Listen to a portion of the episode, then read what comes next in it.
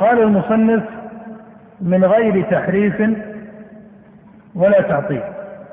سبق الإشارة في آخر مجلس أن المصنف عبر بلفظ التحريف ومراده هنا التأويل وإلا فليس هناك طائفة من طوائف المسلمين تصرح بأن شيئا من كتاب الله يقبل التحريف. أو أن ما تقوله في القرآن هو من باب التحريف لا في باب الأسماء والصفات ولا في غيرها. وإنما كما تعلم أن اللفظ المستعمل في هذا المراد هو لفظ التأويل. لكن المصنف لم يقل من غير تأويل لأن التأويل في كتاب الله سبحانه وتعالى وسنة نبيه لم يرد مورد الذنب. لم يرد لفظ التأويل في النصوص القرآنية والنبوية أو حتى في كلام الصحابة مورد الذنب بل ذكر موردا فاضلا مناسبا. فإن التأويل في كتاب الله أو في سنة نبيه إما أنه يقع على معنى الحقيقة التي يؤول إليها الشيء وإما أنه يقع على معنى التفسير. وإذا تحققت في النظر وجدت أن المعنى الأول والثاني مادتهما إيش؟ مادتهما واحدة. فالكل تفسير. هو إما تفسير للماهية باعتبار آه، حدها وإما أنه دون ذلك مما يتعلق بالمعاني. هذا كله من باب التأويل. هذا كله من باب التأويل. إما تفسير المعاني وإما أن يكون الحقيقة التي يؤول إليها الشيء. وعلى مثل هذا المعنى وذاك جرى الخلاف بين طائفة من السلف في الوقوف على قول الله تعالى وما يعلم تأويله إلا الله فإنه إذا وقف على ذكر الله سبحانه وتعالى كان المراد الحقيقة التي تؤول إليها الأشياء. وهذه الحقيقة التي يؤول إليها أمر الغيب اختص الله سبحانه وتعالى بعلمها. وإذا كان الوقوف على قوله وما يعلم تأويله إلا الله والراسخون في العلم فإن التأويل هنا بمعنى التفسير فإن تفسير القرآن يعلمه الراسخون في العلم. فهذا المعنى وهذا المعنى هو المستعمل في كلام الله ورسوله عن التأويل. وأما التأويل الذي قال فيه أصحابه ونظاره إنه صرف اللفظ من الحقيقة إلى المجاز لقرينة فإن هذا التأويل بهذا الحد ليس له معنى يعرف لا في لسان العرب ولا في كلام الصحابة فضلا عن أن يكون مرادا في نصوص الكتاب والسنة. ومراد المصنف هنا حين قال من غير تحريف أي من غير تأويل. ولكن كما أسلفت أنه لم يعبر بلفظ التأويل لأن لفظ التأويل لم يرد مولد الذم في النصوص وإنما الذي ذمه الله في كتابه هو التحريف الذي وقع فيه أهل الكتاب من قبل. وكما ترى أن من تأول صفات الباري على غير معناها وعلى غير موردها من جهة اللغة فهو في نفس الأمر قد وقع في قدر من تحريف معاني الكتاب والسنة. ومن هنا ناسب أن يسمي المصنف هذه الطريقة المستعملة عند المتكلمين تحريفا. ومن هنا ناسب أن يسمي المصنف هذه الطريقة المستعملة عند المتكلمين تحريفا. ولكن إذا رجعنا إلى مراده فإن مراده كما أسلفنا التحريف إيش؟ التأويل. وهذا التأويل هو مسألة نظرية. بخلاف مسألة التعطيل حين قال المصنف من غير تحريف ولا تعطيل فإن لفظ التعطيل ليس لفظا نظريا عند أصحابه. ومن هنا قد لا يكون مهما أن نقف معه كثيرا إنما يبين مراد المصنف بالتعطيل. فيقال التعطيل لفظ أطلقه السلف على طريقة الجهمية ومن شاركهم فيها من المعتزلة أو غيرهم والتعطيل معناه الخلو والفراغ. فهم لما نفوا صفات الباري فهم عطلوا الباري عن كماله اللائق به. وهذا دارج في كلام أهل السنة من المتقدمين والمتأخرين أنهم يسمون نفي الصفات إيش؟ تعطيلا. أي تفريغا عن الكمال. وأما لفظ التأويل الذي أشار إليه المصنف بلفظة التحريف من باب الاقتداء بسياق القرآن والسنة الذي ذم التاويل التحريف ولم يذم التأويل فإن المراد به عند أصحابه صرف اللفظ عن الحقيقة إلى المجاز لقرينه وهذه القاعدة آه، ويجب أن نفهم أو ندرك أنها قاعدة أكثر من كونها مجرد تعريف أو رسم لاسم من الأسماء، هذه هي من أخص قواعد المخالفين للسلف في باب الأسماء والصفات وهي قاعدة التأويل.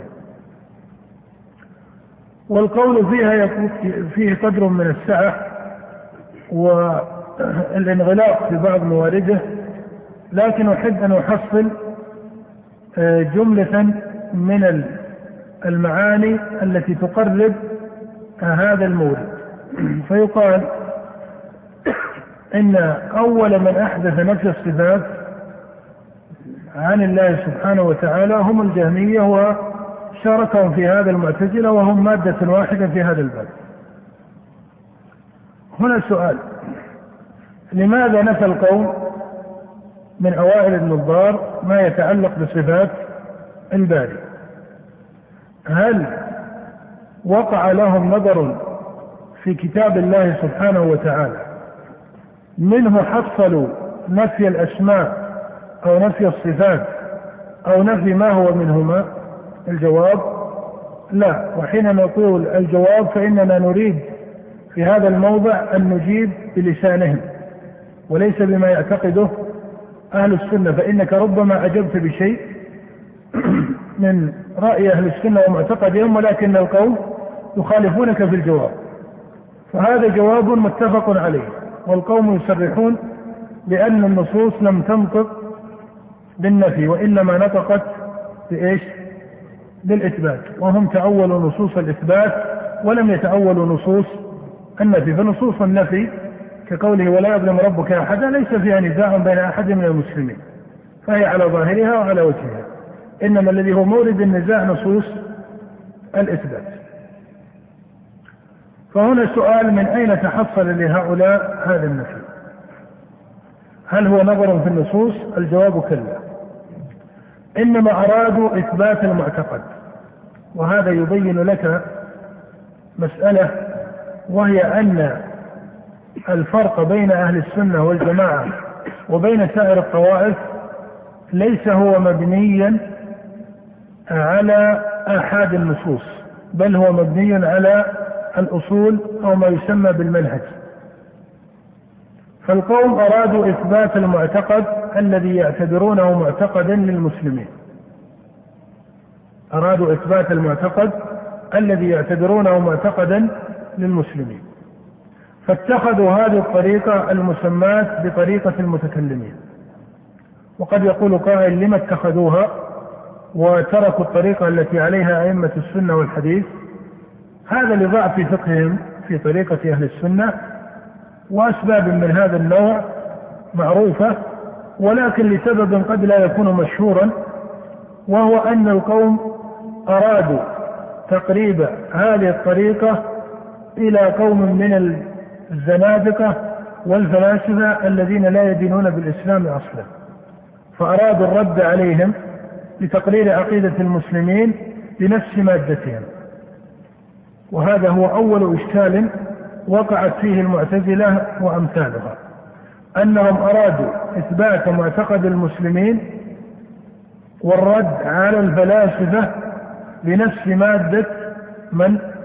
الفلاسفة التي سموها علم الكلام الذي نقول إنه مخلص أو محصل من الفلسفة من جهة جوهره وإن كان فيه قدر من الشريعة واللغة والعقل فهذا باعتبار آه، تفريعي أو ما يتعلق بذلك. فأرادوا ذكر معتقد المسلمين فبدأوا بمسألة وجود الرب سبحانه وتعالى. ولما أراد القوم إثبات وجود الرب سبحانه وتعالى قالوا الدليل على وجوده هو وجود العالم. والعالم حادث وكل حادث لا بد له من محدث. وظنوا أن هذا هو قول الله تعالى أم خلقوا من غير شيء أم هم الخالقون؟ وثمة فرق بين دليلهم على إثبات وجود الرب سبحانه وتعالى وبين طريقة القرآن. فإن قول الله تعالى أم خلقوا من غير شيء أم هم الخالقون ليس هو في مورد إثبات وجود الرب فإن هذا بديهة. بل هو في مورد إثبات جملة من معاني الربوبية التي لم يحقق الإيمان بها جملة من المشركين. فهنا فرق بين المهم أن هؤلاء قالوا أن الدليل على ثبوت وجوده هو حدوث العالم ولكن القوم لما أرادوا إثبات حدوث العالم فإن منازعيهم من الفلاسفة يقولون إن العالم إيش؟ قديم. فأراد هؤلاء إثبات حدوث العالم. فبما استدلوا على حدوث العالم هنا انقسموا إلى قسمين.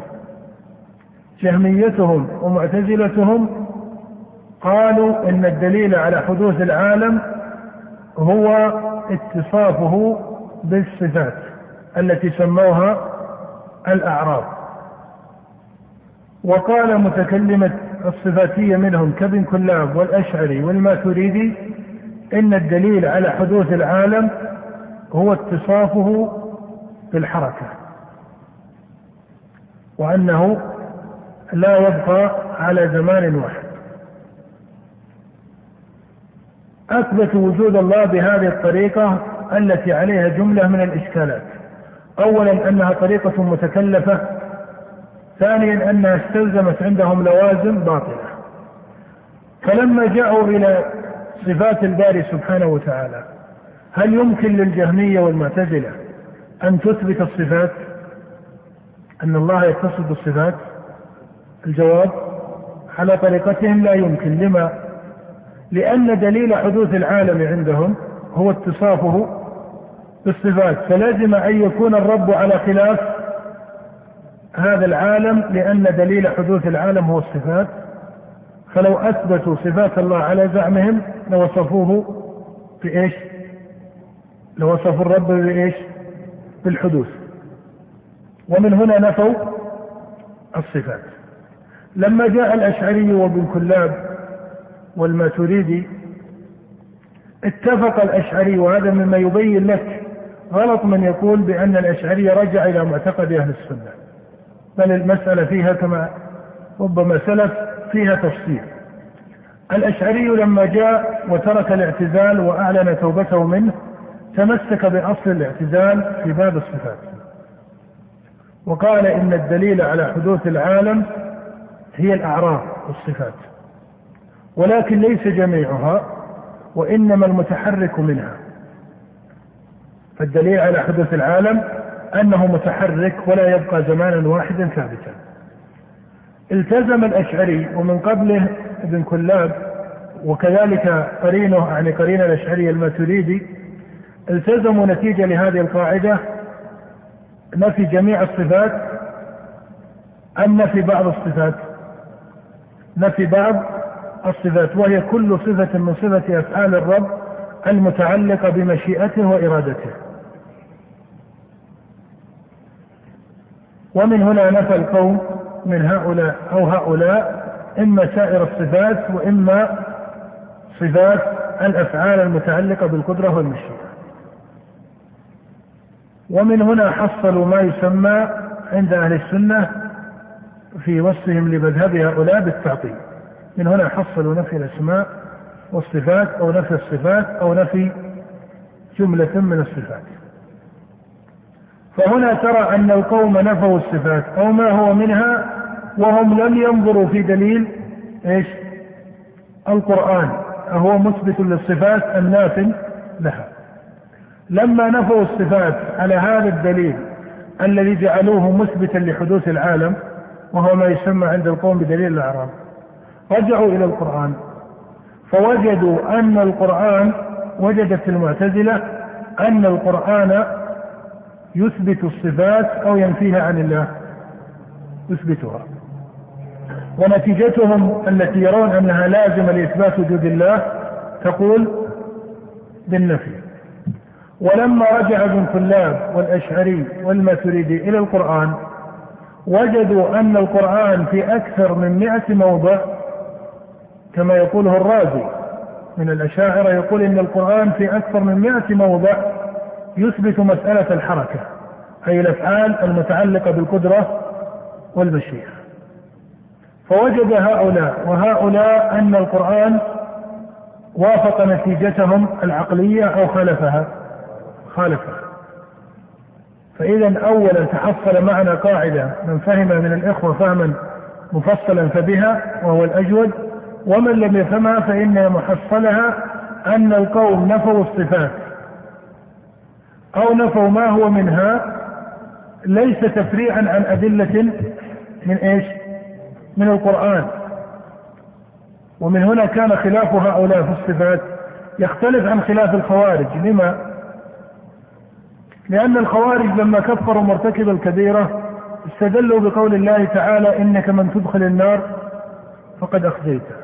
كلما أرادوا أن يخرجوا منها أعيدوا فيها.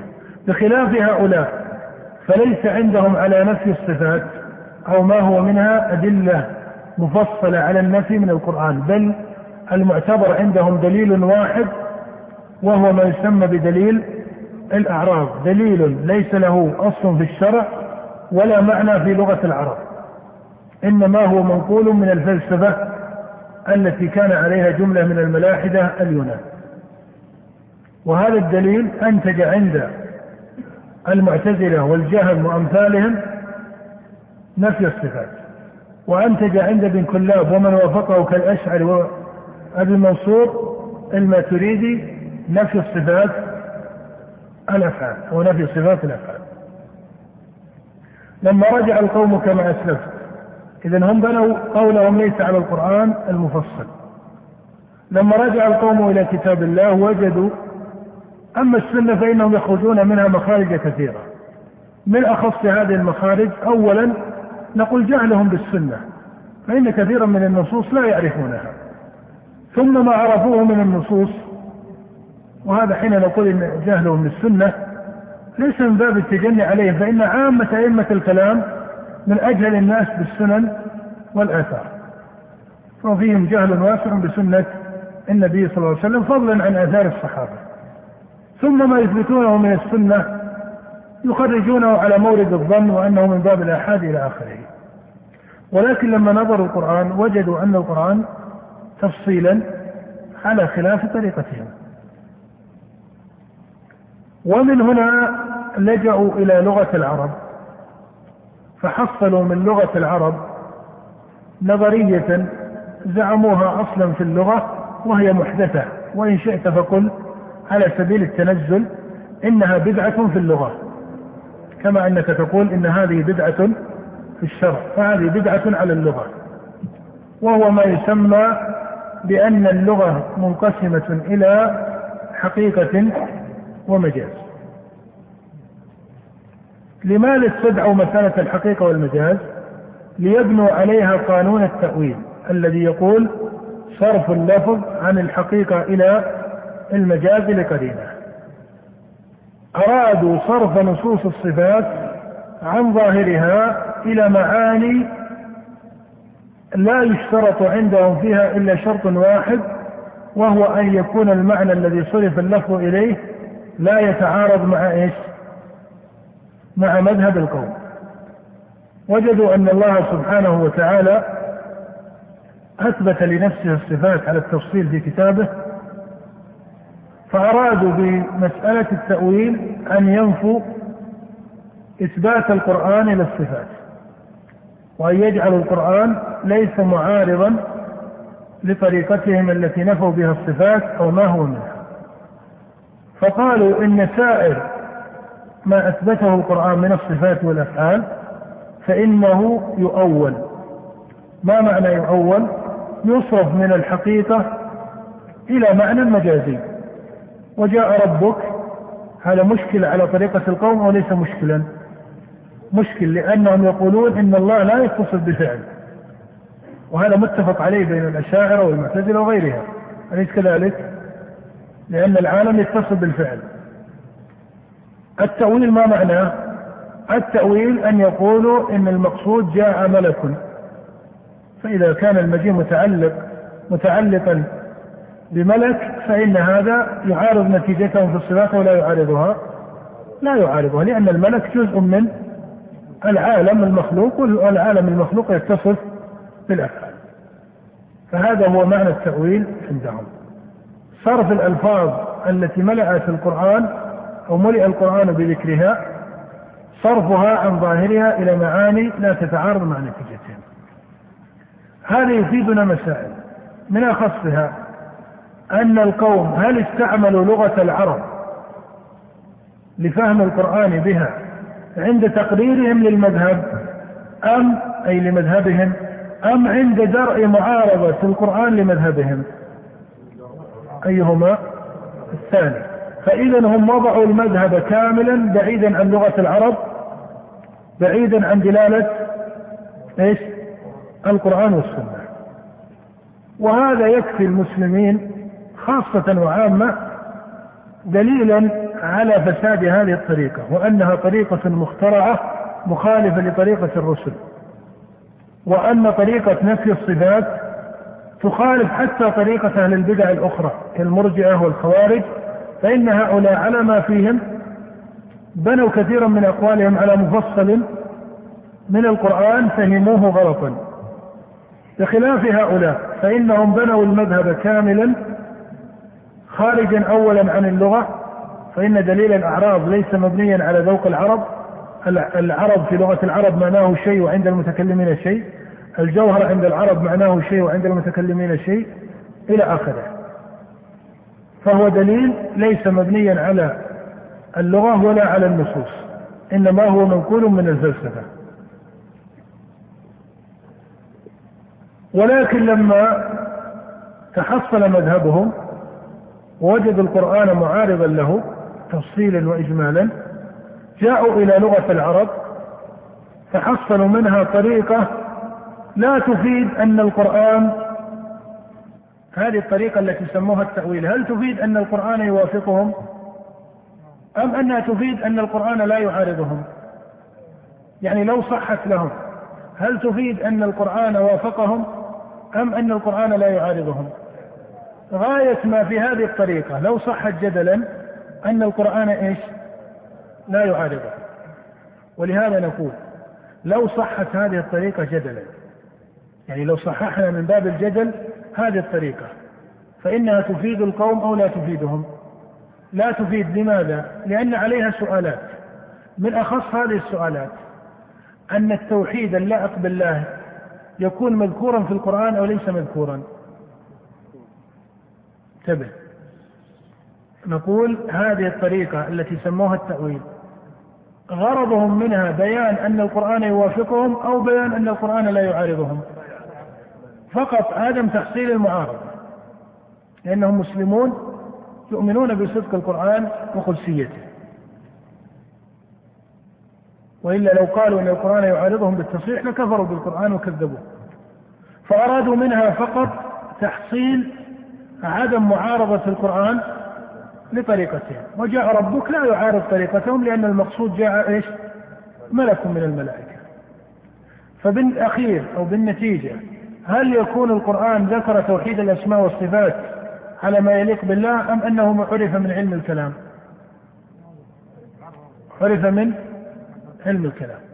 ولهذا يقول شيخ الإسلام رحمه الله كما ترى في الحموية إن لازم طريقة المتكلمين لو صححناها كلها يلزم عليها لوازم فاسدة. غاية في الفساد من أخصها أن القرآن ذكر توحيد الصفات على ما يليق بالله أو لم يذكره. لم يذكره بل ذكره على وجه مخالف للحق احتاج إلى إيش؟ احتاج إلى التأويل. ولهذا أليسوا هم يؤمنون أن القرآن لو ترك بدون تأويل عارض طريقتهم؟ أليس كذلك؟ إذا هم يؤمنون أن طريقتهم حق. أليس كذلك؟ وأن القرآن عارض طريقتهم. فإذا كانت طريقتهم حقا فإن هذا الذي عرضها يلزم أن يكون إيش؟ في ظاهره يلزم أن يكون في ظاهره باطل أليس كذلك؟ احتاج هذا الباطل إلى التأويل فأقل ما في هذه الطريقة من الفساد أن ظاهر القرآن ابتداء حق أو باطل باطل ولازم هذه الطريقة أن القرآن ذكر التوحيد اللائق بالله وبذاته واسمائه وصفاته أو لم يذكره ذكره أو لم يذكره لم يذكره. وكفى هذا فسادا له وهنا نقول إن التحريف وهذا لا بد أن نقف معه كما أسلفت لأهميته. نقول هذا التحريف الذي سماه أصحابه تاويلا قالوا فيه صرف اللفظ من الحقيقة إلى المجاز لقرينة نقول هذا الحد للتأويل فاسد شرع شرعا وعقلا ولغة أما فساده الشرعي فباعتبار كونه بدعة لم تذكر في كلام الله ورسوله ولا في كلام الصحابة. ولو كان القرآن يفقه بهذه الطريقة في مورد الأحكام أو في مورد الأخبار للزم أن الصحابة أو أن الرسول أو أن القرآن نفسه أشار إلى هذه الطريقة. فهذه طريقة مخالفة للشرع باعتبار كونها بدعة. فإن قالوا إن التأويل مذكور في القرآن نقول الذي ذكر في القرآن ليس على هذا المعنى. بل على معنى التفسير أو على معنى الحقيقة التي يؤول إليها الشيء. فإذا هو فاسد من جهة الشرع باعتبار كونه بدعة. وهو فاسد من جهة العقل. وما وجه فساده من جهة العقل؟ هو فاسد من جهة العقل من أوجه ولكن من أخصها.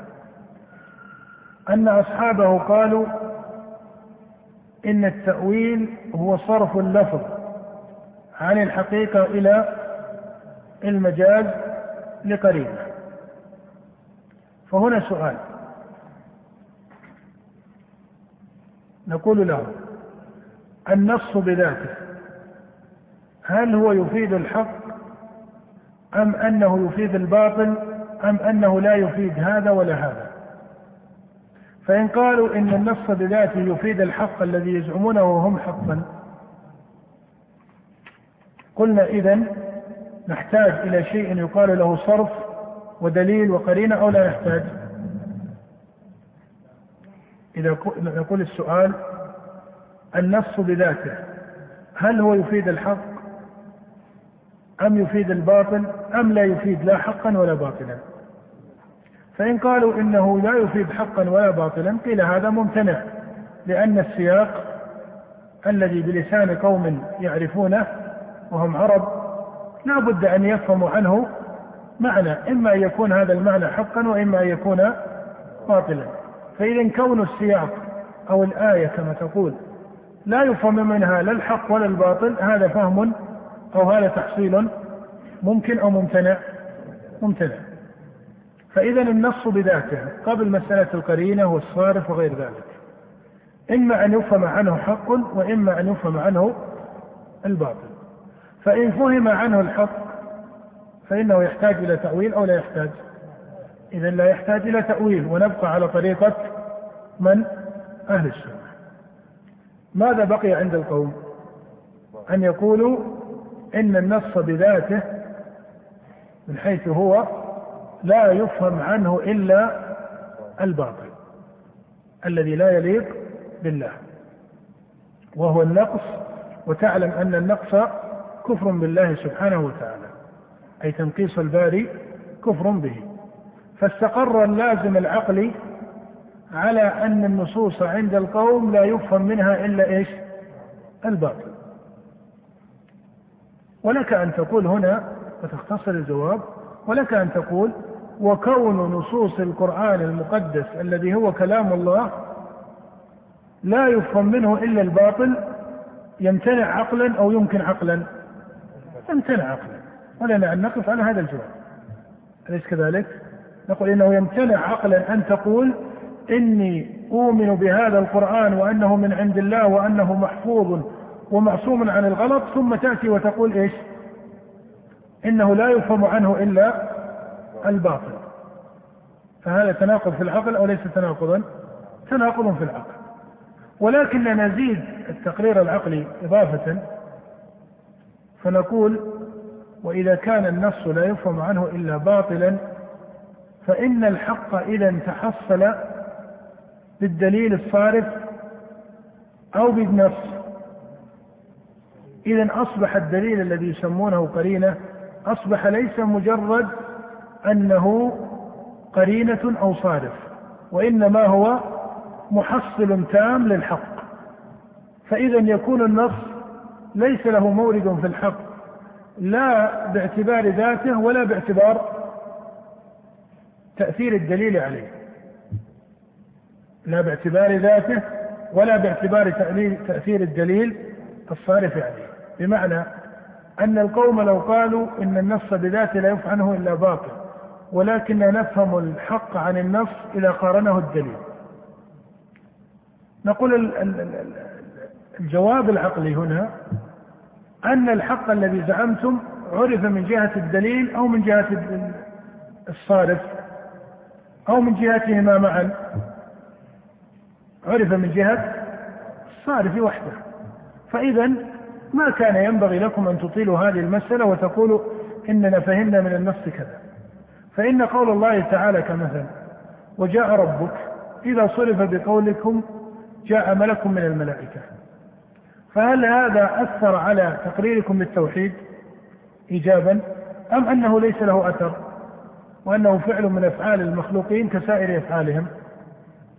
أليس كذلك؟ ولهذا هل هم يستدلون على قيام الناس أو بقيام الناس وقعودهم وحركة الناس هل يستدلون بها على نفي الصفات؟ من هذا الوجه فيكون قولهم في مثل قوله وجاء ربك على هذه الطريقة.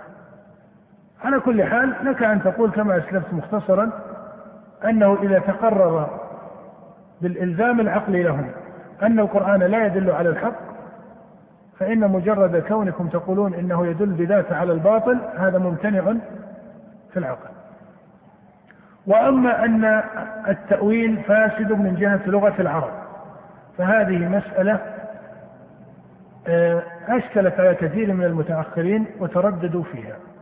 والتحقيق أن التأويل الذي يقوله أصحابه صرف اللفظ عن الحقيقة إلى المجاز لقرينة فاسد من جهة لغة العرب. لماذا؟ نقول لأن هذا التعريف أو هذا الحد هو مبني على فرض لغوي. إذا صح هذا الفرض اللغوي أمكن صحة هذا التأويل من جهة اللغة. وإذا بطل هذا الفرض اللغوي بطل هذا الحد أو التعريف بالتأويل من جهة اللغة. ما هو الفرض اللغوي هنا؟ ما هو الفرض اللغوي؟ الفرض اللغوي أن لغة العرب على زعم هؤلاء تنقسم إلى حقيقة ومجاز. فنقف مع مسألة الحقيقة والمجاز. أولا حتى لا يرى في كلام شيخ الإسلام أو حتى في كلام ابن القيم وإن كان ابن القيم تارة يخلط بعض المعاني مع بعض ولكن باعتبار كلام شيخ الإسلام رحمه الله.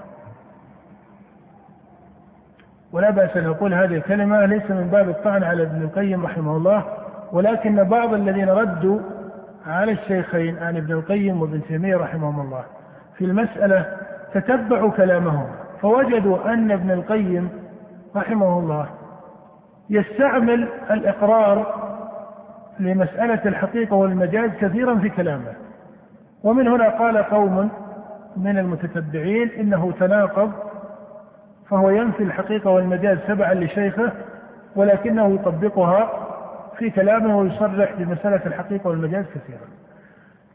التحقيق أن أكثر ما أثبته الإمام ابن القيم حين يذكر الحقيقة والمجاز هو من باب التقسيم اللفظي ولكنه أحيانا قد يدخل عليها شيئا من الأثر المتعلق بمعاني الألفاظ وليس بمجرد آه، صورها اللفظية. أما فيما يتعلق بشيخ الإسلام فإن منهجه في هذا دقيق وشيخ الإسلام له كلمة أحب أن تكون مقدمة بين يدي الجواب عن مسألة الحقيقة والمجاز.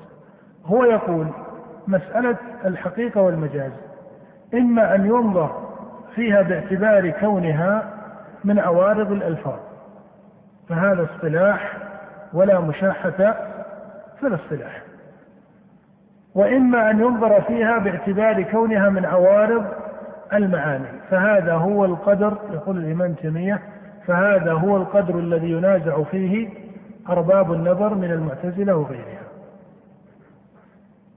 إذا القدر المنكر عند شيخ الإسلام في مسألة الحقيقة والمجاز هل هو صورها اللفظية أو مصطلحها اللفظي؟ الجواب كلا. لك أن تقول آه مثلا واسأل القرية لك أن تقول إن هذا من مجاز اللغة. لك أن تقول هذا. باعتبار أن المقصود سل أهل القرية. فإذا تسمية ما يقع من هذا النوع مجازا هذا اصطلاح كما أن المصطلحين سموا الفاعل والمفعول والحال والتمييز إلى غير ذلك. وإنما النظر فيها باعتبار كون هذا التقسيم من عوارض معاني اللغة وهذا هو مراد المتكلمين في تقريرهم.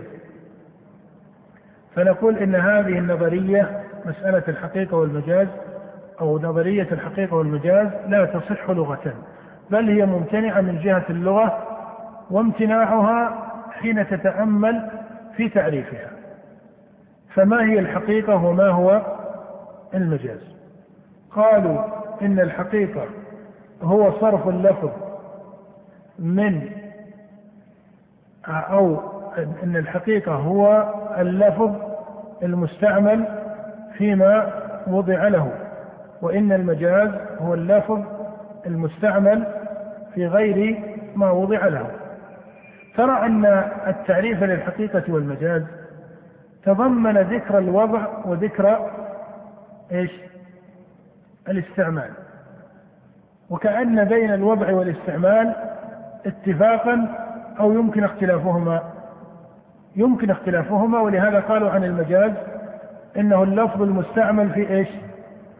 في غير ما وضع له، فإذا قرأت تعريف المجاز تبين لك أن هؤلاء يفرقون بين وضع اللغة وبين استعمالها.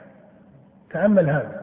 إذا قرأت تعريف المجاز وجدت أنه يقول اللفظ المستعمل إيش؟ في غير ما وضع له. فإذا هؤلاء يفرضون أن ثمة فرقا بين وضع اللغة وبين استعمالها. بين هذا. أليس كذلك؟ السؤال هنا يقول من الواضع للغة ومن المستعمل؟ السؤال الثاني أيهما أسبق الوضع أو الاستعمال؟ السؤال الثالث ما مثال الوضع في اللغة وما مثال الاستعمال؟ هذه سؤالات ترد على النظرية. لأن تبين أنها فاسدة حتى من جهة اللغة وكما أسلفت أن الاصطلاح لا مشاحة فيه بل لك أن تقول إن كل ما سماه البلاغيون مجازا لقائل أن يقول إن إنني أسميه إيش؟ إنني أسميه إيش؟ مجازا ولا إشكال في ذلك لكن لابد أن يعرف ما المقصود بالمجاز وأنه من عوارض المصطلحات وليس من عوارض المعاني. فإذا السؤال الأول ما الفرق بين الوضع وبين الاستعمال؟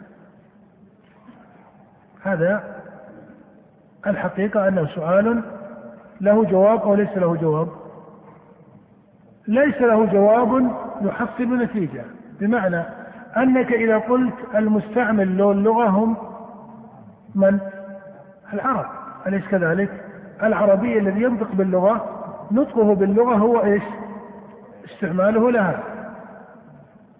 إذا من الواضع للغة؟ إذا قالوا إن الواضع للغة هم العرب وإن المستعمل للغة هم العرب إذا نقول لا يمكن أن يحصل فرق في الخارج بين الوضع وبين الاستعمال فما الذي جعلك تقول إن هذا وضع هذا النطق العربي تسميه وضعا وإذا نطق العربي في مقام آخر سميته استعمالا. ومن هنا احتاج القوم ولا سيما منظر المعتزلة من أهل اللغة احتاجوا إلى القول والحديث والبحث في مبدأ اللغات. ومن أين جاءت اللغة؟ وترى حتى في كتب أصول الفقه وكتب علم الكلام وبعض كتب اللغة بحث في مسألة مبدأ اللغة. فقيل إنها من آدم وقيل إنها آه، من تعليم الله لآدم وقيل إنها من تعليم الملائكة وقيل إنها من الجن. الذي يراد قوله هنا أن سائر هذه الأقوال غاية ما يقال فيها إنها أقوال إيش؟ ممكنة لكن يمتنع الجزم بواحد منها. دعك من مثل قول الله تعالى وعلم آدم الأسماء فهذا يؤمن به على وجهه. لكن تسلسل اللغات وما إلى ذلك كيف تحصلت هذا أوسع من مثل قول الله تعالى وعلم آدم الأسماء كلها فإذا إن قالوا إن الاستعمال هو استعمال العرب. وكما ترى أن الترتيب الزماني أن الوضع يسبق الاستعمال أو الاستعمال يسبق. الوضع هو الأول ثم جاء الاستعمال. فغاية ما يقال الاستعمال معلوم وهو استعمال من؟ العرب. أما الوضع فهو مجهول ولا يمكن أن يبنى المعلوم على المجهول. أليس كذلك؟ فإن المجهول لا يفيد بذاته فمن باب أولى ألا يكون مفيدا لغيره. القوم إذا تحققت عند محققيهم وأقول عند محققيهم إذا تتبعت كلام محقق المعتزلة وهم أئمة النظر في هذا الباب. وجدت أنهم يقولون إن الوضع هو الكلمة المفردة وإن الاستعمال هو الكلمة المركبة. بمعنى أنك تقول اللفظة كاليد مثلا هذه يسمونها وضعا والمركب يسمونه استعمالا. فيقال إن هذا أيضا من باب الممتنع تحصيله. لماذا؟ لأنه لا يعقل أن عربيا يقول يد ويسكت. أليس كذلك؟ بل لا يوجد في لسان بني آدم لا من العرب ولا من غيرهم على هذه الطريقة إلا إيش؟ إذا قالوا الاستعمال هو الجمل والوضع هو اللفظة المفردة نقول إذا وضعتم هذا الحد للتفريق بين الوضع والاستعمال هم حتى لا يلتزموا مسألة إيش؟ القدم التاريخي الذي لا يستطيعون اكتشافه. فقال بعض محققيهم إن المسألة ليست مبنية على التعاقب التاريخي. إنما هي مبنية على أننا نريد بالاستعمال إيش؟ الجمل المركبة كقولك كقولك جاء زيد هذا يسمونه إيش؟ استعمالا وأما كلمة زيد وجاء فيسمونها وضعا فالكلمة المفردة يسمونها وضعا فنقول إن هذا تكلف على اللغة ولا حقيقة له في الخارج. لماذا؟ لأنه لا أحد ينطق بلسان لا عربي ولا غير عربي إلا ويتكلم بجملة أو بكلمة مفردة. يتكلم بجملة أبدا. لا يعقل أن أحدا يتكلم بلفظ مفرد. إلا في حالة واحدة إذا قال حرفا مفردا سواء كان اسما أو فعلا أو صفة لأن بقية الجملة إيش؟ معلوم تقديرا. إذا قيل له كيف زيد؟ فقال حسن. فإنه قال حسن. ولكنها جواب والتقدير زيد حسن وحذف ما يعلم جائز باتفاق ألسنة بني آدم. ولا أحد ينازع في هذه البديهة. العرفية عند بني آدم كلهم أن المعلوم من الكلام يحذف وهذا ليس خاصا بلغة العرب بل هو في كل لغات بني آدم الخاصة والعامة. فإذا على هذه الطريقة أنه لا يوجد لغة إلا استعمالا ولا يوجد لغة تسمى إيش؟ ولا يوجد لغة تسمى وضعا. قال بعض محققيهم لإثبات الوضع إننا إذا نظرنا اللغة وجدنا أن العرب تقول اليد وتريد بها الجارحة وتقول اليد وتريد بها في سياق آخر النعمة. قيل هذا الجواب عنه ليس مشكلة. فما المانع عقلا ولغة أن نقول إن هذا اللفظ يراد به أكثر من معنى وإن السياق نفسه هو الذي يحدد واحدا من هذه المعاني أليس كذلك؟ فإن قالوا إن المعنى أو إن اللفظ الواحد لا يجعل إلا لمعنى واحد ويكون البقية ليس مرادا بها قيل هذا تحكم على اللغة فإن اللفظ يمكن عقلا ولغة أما عقلا فإن العقل لا يمنع ذلك وأما لغة فإن العرب إذا وجدت كلامها وجدت أنها تستعمل الحرف الواحد والكلمة المفردة الواحدة في أكثر من سياق وفي كل سياق تدل على معنى. فإن قالوا الدليل على أن هذه اللفظة تستعمل في معنى واحد كحقيقة وفي البقية كمجاز أن اللفظ إذا أطلق تبادر منه إيش؟ معنى أخص. فإذا قيل يد لا تتبادر النعمة وإنما تتبادر اليد الجارحة. قيل أولا اليد إذا أطلقت التحقيق العقلي يقول إنه لا يتبادر منها العقل لا يعين لها معنى لكونها لفظا مجردا. ثم لو سلم جدلا أن الذهن يتبادر إليه ابتداء إذا قيل يد اليد الجارحة فهذا باعتبار أن استعمال هذا المعنى هو الأكثر في اللغة ولكثرته ولشيوعه في استعمال هذا اللفظ صار هو المتبادل. والكثرة والقلة ليست ميزانا لمسألة أن اللفظ وضع لهذا المعنى أو لم يوضع. كملخص سريع ما المانع أن لفظ اليد وضع في اللغة لأكثر إيش؟ من معنى؟ هل اللغة تمنع ذلك؟ هل العقل يمنع ذلك؟ وضع لأكثر من معنى. إن قالوا إذا كان وضع لأكثر من معنى ما الذي يحدد؟ نقول الذي يحدد السياق. وهل سنحتاج إلى دليل صارف لا. لماذا؟ لأن اللفظ وضع لمعاني متفقة أو مختلفة. مختلفة. ولما كان المعنى مختلفا فإن السياق نفسه يستلزم تحديد واحد من المعاني. قد يكون المعنى المحدد هو الشائع. كاليد الجارحة وقد يكون ليس كذلك. فلما قال أبو بكر لعروة بن مسعود لولا يد لم أجزك بها لأجبتك. هل تبادر إلى ذهن أحد ممن سمعوا هذه الكلمة أو قرأوها أن أبا بكر يقصد اليد الجارحة التي يسميها القوم أنها هي الحقيقة في لفظ اليد وهي الأكثر استعمالا؟ هل تبادر هذا؟ كلا.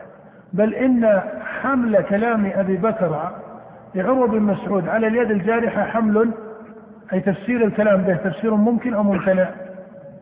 تفسير ممتنع.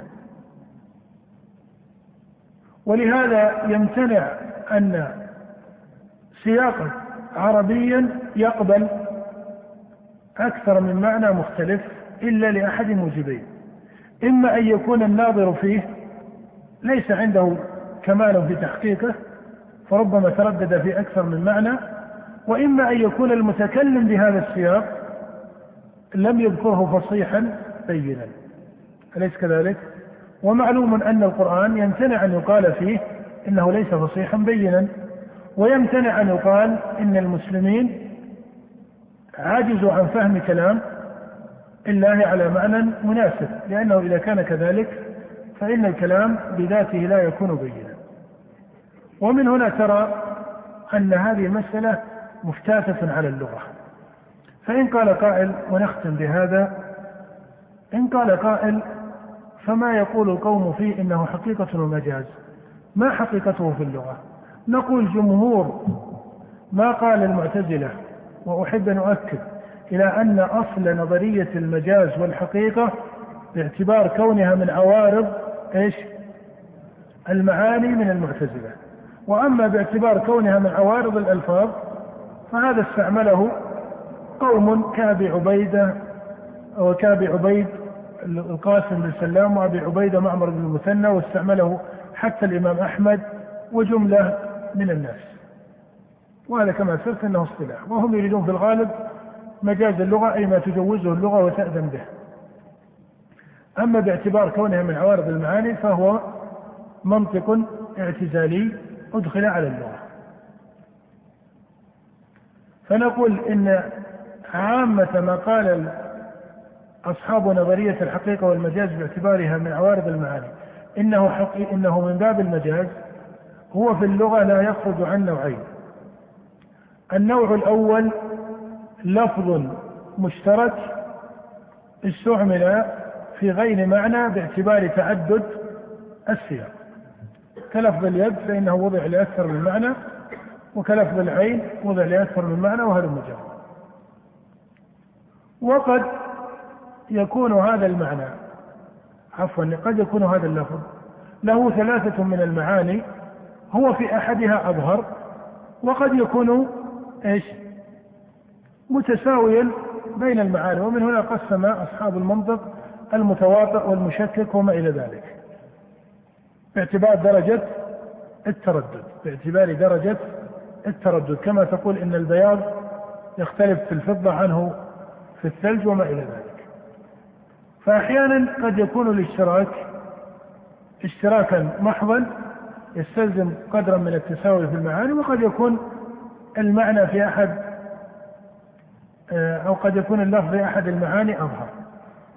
فإذا القسم الأول مما قال القوم فيه إنه من باب المجاز نقول هي ألفاظ من جهة كونها مفردة مقطوعة عن التركيب تحتمل في اللغة أكثر من معنى.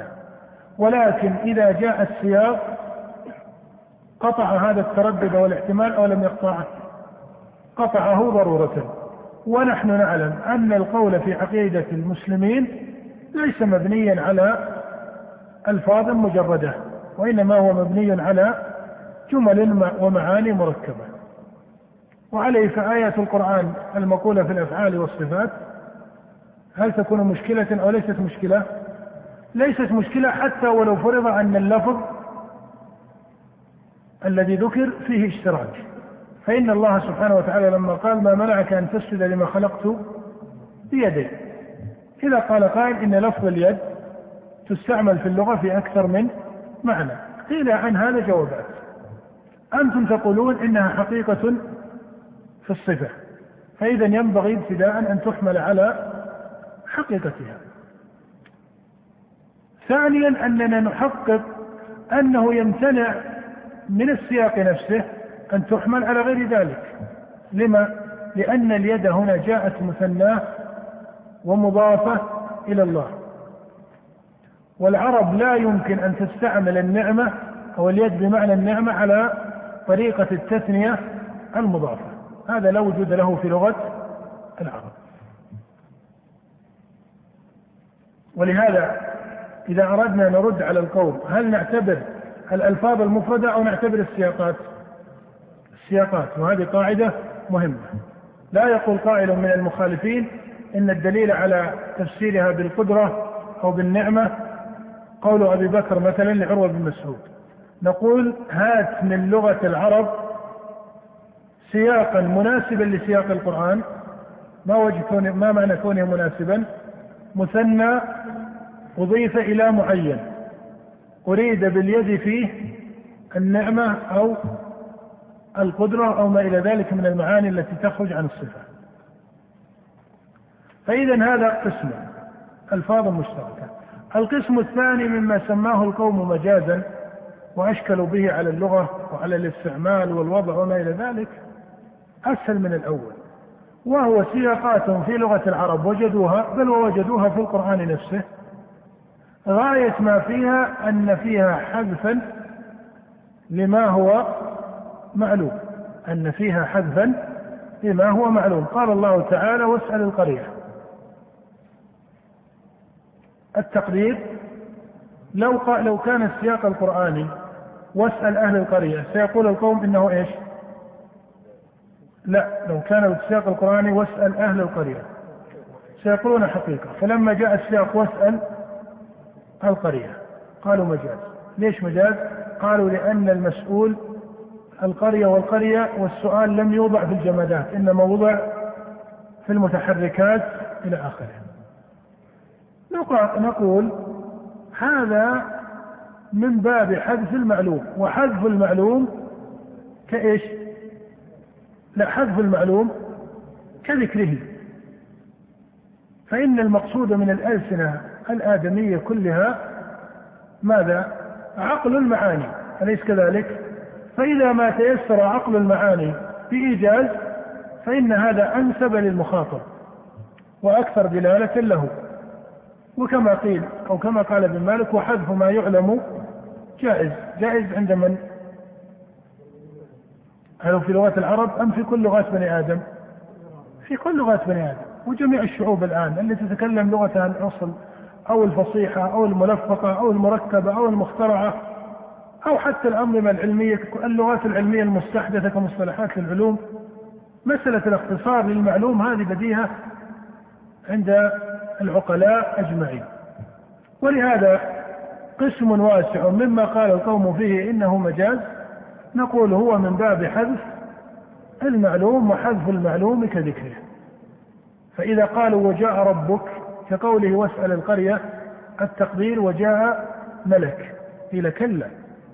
هناك فرق بين لماذا؟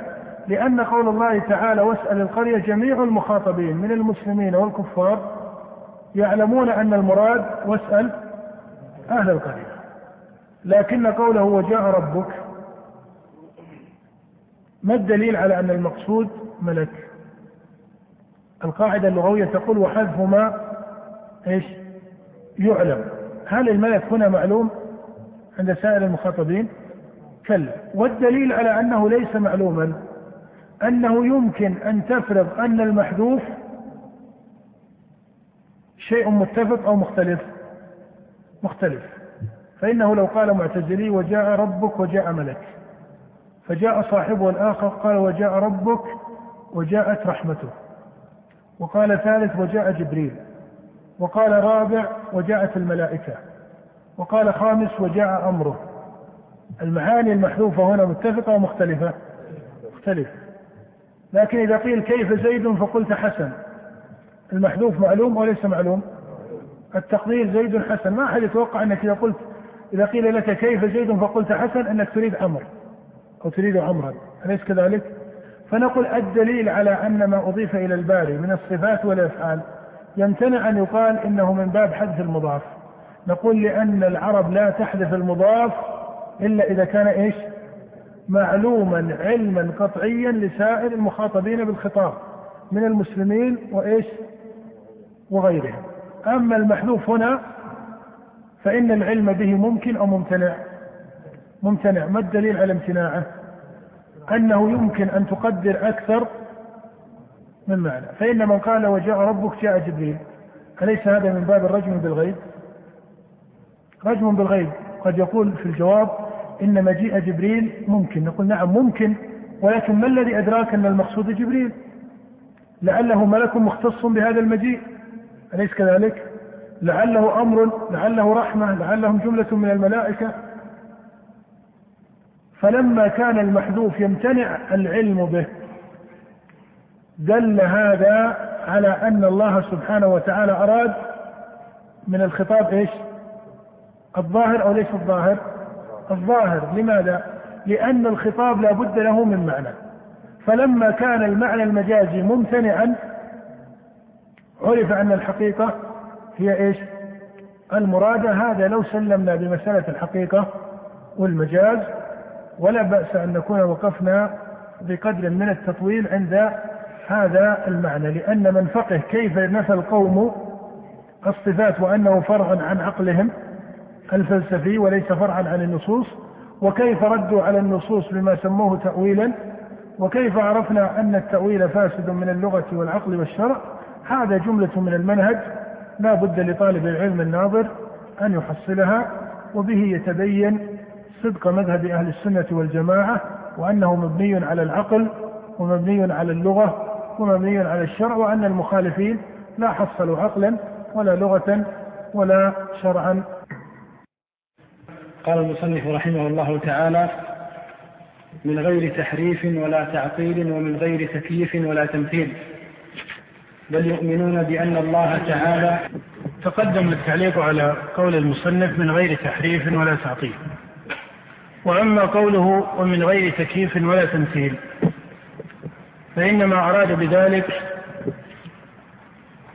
درء مسألة التشبيه عن مذهب أهل السنة والجماعة.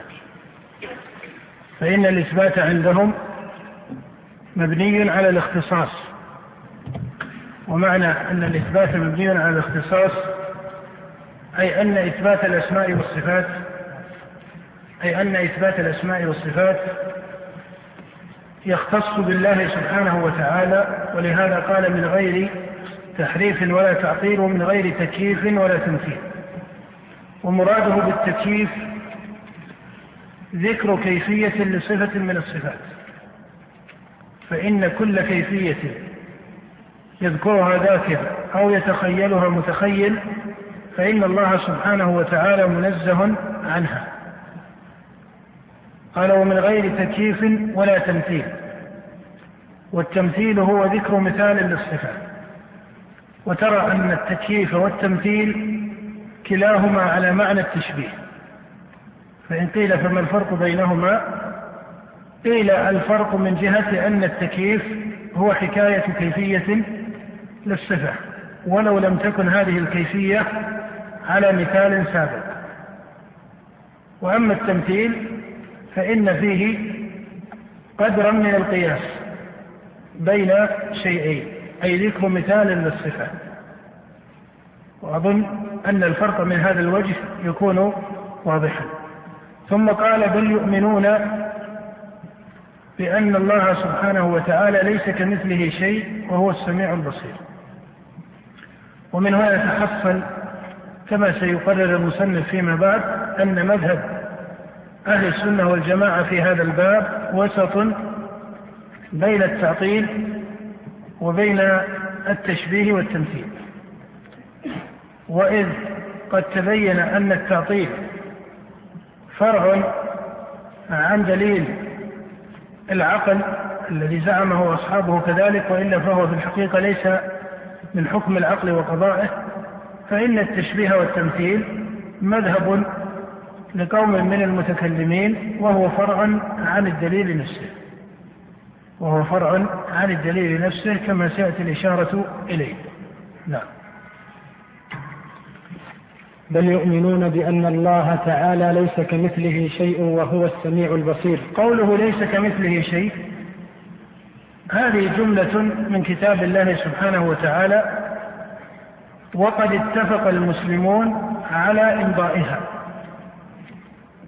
وقد اتفق المسلمون على إمضائها ولا أحد من طوائف المسلمين يعارض في شأن هذه الجملة ودلالتها. ولهذا تعد هذه الجملة من الجمل التي تذكرها سائر الطوائف في ذكر توحيد الصفات. فأما النفاة للصفات أو لما هو منها فلا شك أنهم يذكرون هذه الجملة ومعناها لأنه كما ترى ما يذكرونه يكون مناسبا فيما يحصلون لمذهبهم. وترى أن أهل السنة والجماعة يذكرون أن مذهبهم وسط بين التعطيل والتمثيل فيقولون بأن الله ليس كمثله شيء مع إثبات الأسماء والصفات له فإن قيل فالمشبهة هل يؤمنون بهذه الجملة من كتاب الله؟ قيل الجواب نعم فإن من وصفوا بأنهم مشبهة من الطوائف ليس أحد منهم يذهب إلى أن الباري سبحانه وتعالى مماثل مماثلة مطلقة للمخلوقين أو لشيء من المحدثات والممكنات بل هذا مذهب لم يقل به أحد من المنتسبين إلى قبلة المسلمين. صحيح أن مذهب التشبيه والتجسيم عرف عن قوم من متقدم الشيعة الإمامية كهشام بن الحكم وهشام بن سالم وداود الجواربي وأمثال هؤلاء. وعرف ذكر التجسيم فيما بعد عن جملة من متأخر الحنفية أتباع محمد بن كرام السجستاني الحنفي. إلا أن التشبيه عند الشيعة وعند جملة من الحنفية أتباع محمد بن كرام لا أحد من هؤلاء أو هؤلاء يقول بمماثلة الباري لأحد من خلقه فإن هذا القدر من المعنى كما هو قدر من الجمل الجملة القرآنية متفق عليه. وقوله تعالى ليس كمثله شيء. هذه الجملة من كتاب الله معناها الكلي وهو أن الله سبحانه وتعالى منزه عن المماثلة المطلقة لأحد من خلقه. هذا المعنى الكلي قد اتفق سائر أهل القبلة عليه حتى من قال منهم بالتجسيم كمتقدم أو كقوم من متقدم الشيعة والرافضة أو طائفة من متأخر الأحناف أتباع محمد بن كرم صحيح أنك تقول إنه وإن كان هؤلاء المشبهة يؤمنون بهذا المعنى الكلي إلا أن الآية آه، نفسها دليل على إبطال مذهبهم فإنهم لم يحققوا قول الله تعالى ليس كمثله شيء. حين قالوا إنه جسم وحينما مالوا إلى قدر من المشاكلة والقياس في إثبات صفات الباري سبحانه وتعالى وأفعاله. فلا شك أن القوم معهم قدر من التشبيه والتجسيم المخالف لكمال الرب سبحانه وتعالى. ولا شك أن القوم عن المشبهة مخالفون لقول الله تعالى ليس كمثله شيء.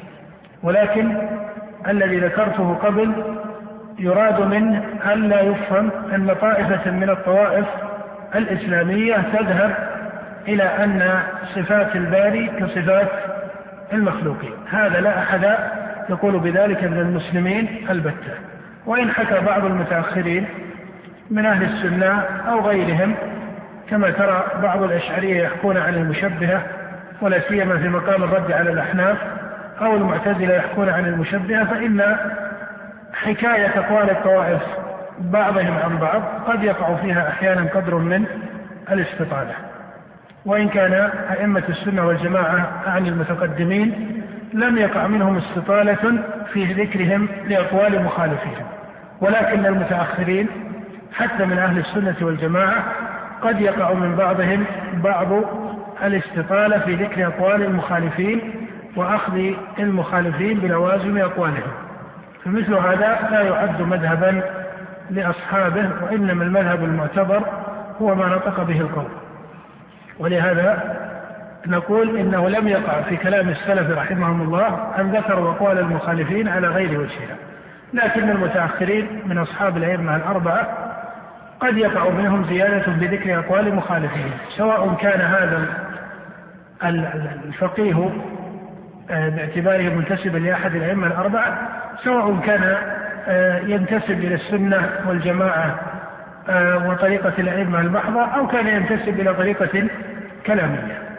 فإن بعض الحنابلة كمثال زادوا في ذكرهم لأقوال الأشعرية وترى أن بعض الأشعرية زادوا في ذكرهم لأقوال السلفية من الحنابلة وهلم جرا وهذا أمر مضطرد ليس في الفقهاء الذين مروا في القرون المتأخرة بل يوجد قدر منه في هذا العصر. فمثلا حين تذكر أصول المدرسة الأشعرية كمثال ترى أن بعض الباحثين يجعل لها أصولا مبنية ومستشهدا حين يقرر أصول هذه المدرسة في المسائل والدلائل ماذا يثبتون من الصفات؟ ما هو مصدر التلقي عندهم ما هو كذا ما هو كذا. تجد أنه يقرر أصول هذه المدرسة حسب ما يذكره محمد بن عمر الرازي في كتبه. ولا شك أن طرد منهج الأشعرية في الدلائل والمسائل على طريقة الرازي ليس من العدل. فإن ثمة فرقا بين طريقة الرازي عن طريقة الجويني فضلا عن طريقة القاضي أبي بكر الباقلاني فضلا عن طريقة أبي الحسن الأشعري ولا سيما في آخر أحواله التي قارب فيها ولا سيما في المنهج مذهب أهل السنة والحديث. فإذا الاستطالة لا يسلم منها أحد من الطوائف المتأخرة حتى المنتسبين للسنة والجماعة منهم. وهذا أدب ينبغي لطالب العلم أن يدركه. إلى أن المتكلم وإن كان سنيا فليس بالضرورة أن سائر ما ينقله عن غيره يكون نقلا عدلا وصوابا. وليس بالضرورة أن يكون موجب هذا الغلط هو الكذب المحض بل قد يكون موجبه غلط في الفهم أو في النقل أو ما إلى ذلك.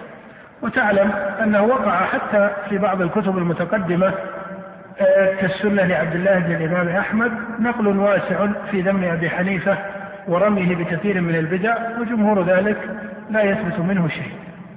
فباب الاستطالة هو باب من أحوال النفس والإرادات وليس معتبرا بالعقائد. فحينما يكون الرجل سنيا أو حتى سلفيا فليس بالضرورة أن كلامه عن الآخرين يكون على طريقة الصواب والجزم بل قد يقع منه غلط في النقل.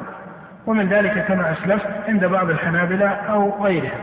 ومن ذلك مثلا ما يذكره كثيرا أبو إسماعيل الأنصاري الهروي فإنه سني في الجملة ولا سيما في باب الأسماء والصفات ولكنه إذا ذكر أقوال المخالفين للسلف في باب الأسماء والصفات زاد عليهم زيادة كثيرة ورماهم بكثير من اللوازم إلى حد الزندقة وما يتعلق بذلك كما صنع مع مخالفيه من الأشعرية. وإن كانت الاستطالة في غير السنية أو في غير السلفية أكثر منها فيها. وهذا كما أسلفت أنه في متأخر المنتسبين إلى السنة والحديث وليس في أئمة السلف. قول الله تعالى ليس كمثله شيء. يقال ليس كمثله شيء. سواء كان هذا الشيء موجودا في الحس أم أنه كان موجودا مفارقا أم أنه كان شيئا متصورا أم أنه كان شيئا مفروضا. فإن الرب سبحانه وتعالى منزه عن سائر موارد التشبيه والمماثلة. ليس كمثله شيء سواء كان هذا الشيء موجودا في الحس كأحوال بني آدم وأفعالهم وصفاتهم فإن الباري ليس مثلها. أو كان هذا الشيء موجودا ولكن وجوده ليس حسيا وإنما هو وجود مفارق لا يراه الناس ولا يعلمه المخاطبون. فإن الرب سبحانه وتعالى ليس كمثل هذا الشيء. أو كان هذا الشيء من الأشياء المتصورة في العقل. فإن كل كيفية لصفة من صفات الله سبحانه وتعالى تصور العقل لها كيفية أو كل صفة من الصفات تصور العقل لها كيفية فإن هذا التصور الكيفي الذي حكم به العقل يعلم أن الله سبحانه منزه عنه. أو كان هذا الشيء ليس متصورا في العقل ولكن الذهن يفرضه وفرض الذهن هو قبل التصور. ويقصد من هذا الإطلاق بيان أن الله سبحانه وتعالى منزه تنزيها مطلقا عن المثيل والشبيه. فإنه سبحانه وتعالى كما في صريح الآية ليس كمثله شيء. وترى أن الآية من أخص عصم أهل السنة والجماعة أن الإثبات لا يستلزم التشبيه فإن الله يقول ليس كمثله شيء وهو السميع البصير. فإن الإثبات هنا جاء في مورد النفي أي جمع بين الإثبات والنفي في سياق واحد. فدل على أن الإثبات ليس معارضا للنفي المذكور في القرآن بل إن الإثبات لا يكون لائقا بالله سبحانه وتعالى إلا إذا تضمن هذا التنزيه. وإلا فإن مطلق الإثبات وإلا فإن مطلق الإثبات ليس تنزيها فإن الصفات يشترك فيها الخالق والمخلوق وإنما اختصاص الباري سبحانه وتعالى ليس بأصل الصفة فإن الله يوصف بالكلام والمخلوق يوصف بالكلام والله يوصف بالعلم والمخلوق يوصف بالعلم إلى غير ذلك. وإنما اختصاص الباري سبحانه وتعالى أن ما أضيف إليه من الصفات لا يكون مماثلا لما أضيف إلى المخلوق من الصفات فإن الصفات الباري متعلقة بذاته وكما أن ذاته منفكة ومفارقة عن ذوات المخلوقين فإن صفاته سبحانه وتعالى كذلك.